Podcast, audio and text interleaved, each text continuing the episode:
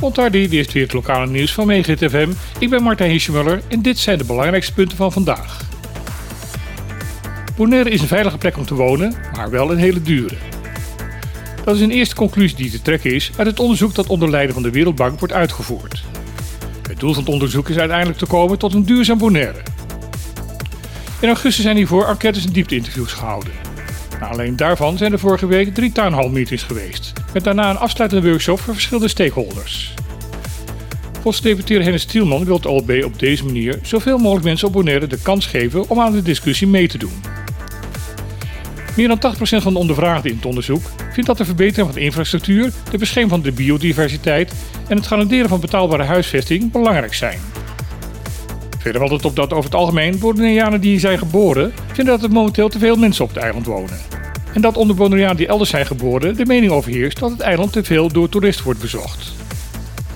De definitieve rapportage over het onderzoek, waar ook de uitkomsten van de townhall meetings worden verwerkt, zal begin volgend jaar bekendgemaakt worden.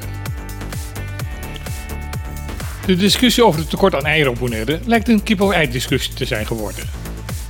Al geruime tijd is op Bonaire een groot tekort aan eieren. Er is maar één eierproducent op het eiland en deze blijkt momenteel niet aan de vraag naar eieren te kunnen voldoen.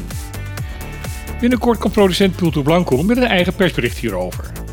De producent blijkt wel nieuwe kip te hebben aangeschaft, maar het duurt even voordat deze ook daadwerkelijk aan de leg gaan. Tot die tijd zijn de schappen in de supermarkten leeg en wanneer er een nieuwe voorraad komt, is deze meestal weer binnen een half uur verkocht. Eieren importeren lijkt dan de aangewezen oplossing, maar ook daar blijkt er een probleem mee te zijn. Bondigro, een van de weinige supermarkten waar tot voor kort import eieren te koop waren, is met de verkoop gestopt. Volgens salesmanager van Bondigro, Vecht Vrucht, komt dat omdat de maximale verkoop van een doos importeieren door de overheid op 1,36 dollar is gesteld. Volgens Vrucht loopt de inkoopprijs in Amerika ondertussen naar de 6 dollar. Het bedrijf maakt dus op elke verkochte doos eieren een verlies van bijna 5 dollar. Gedeputeerde Hennis Tielman zegt een beetje verbaasd te zijn over deze uitspraak. Volgens hem kan er altijd een aanvraag worden ingediend om de maximumprijs te verhogen. Daarom wordt er morgen in het bestuurscollege besloten om de prijs van importeieren te verhogen naar 3,50 dollar per doos. De lokale eieren van Punta Blanco kosten momenteel 3,56 dollar per doos. Staatssecretaris Alexander van Huffelen wil volgende week op Bonaire komen kijken wat zij voor mensen met natte voeten kan doen. Dat zei de staatssecretaris naar aanleiding van een vraag van het CDA Tweede Kamerlid Joop van den Berg tijdens een vergadering van de Tweede Kamercommissie Koninkrijksrelaties. Huffelen wil zich persoonlijk op de hoogte komen stellen over de problemen met de waterinfrastructuur op het eiland. In het debat zei ze het ongelooflijk naar te vinden om te zien hoe momenteel het gevallen regenwater niet op een verstandige manier vastgehouden kan worden.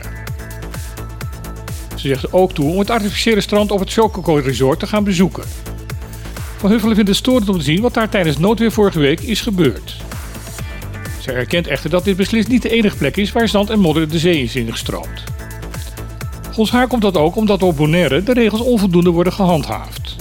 Ze is van mening dat wanneer regels worden overtreden, het voor iedereen helder moet zijn dat dit niet kan. En tot slot dan nog een leuk nieuwtje. Vorige week melden wij dat Bonaire op het Carifta Championship 2022 door twee waterpolo-teams zou worden vertegenwoordigd. De deelname van de twee teams is niet onopgemerkt gebleven. Het gemeenteteam uit de klasse U14 heeft het toernooi in haar klasse met een gouden plak afgesloten. Het jongsteam uit U16 wist de zilveren medaille te veroveren. Daarnaast werd speler Louis Minne uitgeroepen tot de most valuable player in de leeftijdscategorie U14. Het toernooi in Barbados was goed bezet met teams uit de regio, maar ook uit de Verenigde Staten. De behaalde resultaten laten daarom zien dat, ondanks het ontbreken van een eigen zwembad, het waterpolo op Bonaire op een hoog pijl staat. Dit was weer het lokale nieuws op Megahit. Mocht u dit nog een keer willen beluisteren, dan kan dat via uw favoriete podcastplatform. Zoek dan naar MHFM Lokaal Nieuws. Voor nu wens ik u nog een fijne dag en graag weer tot morgen.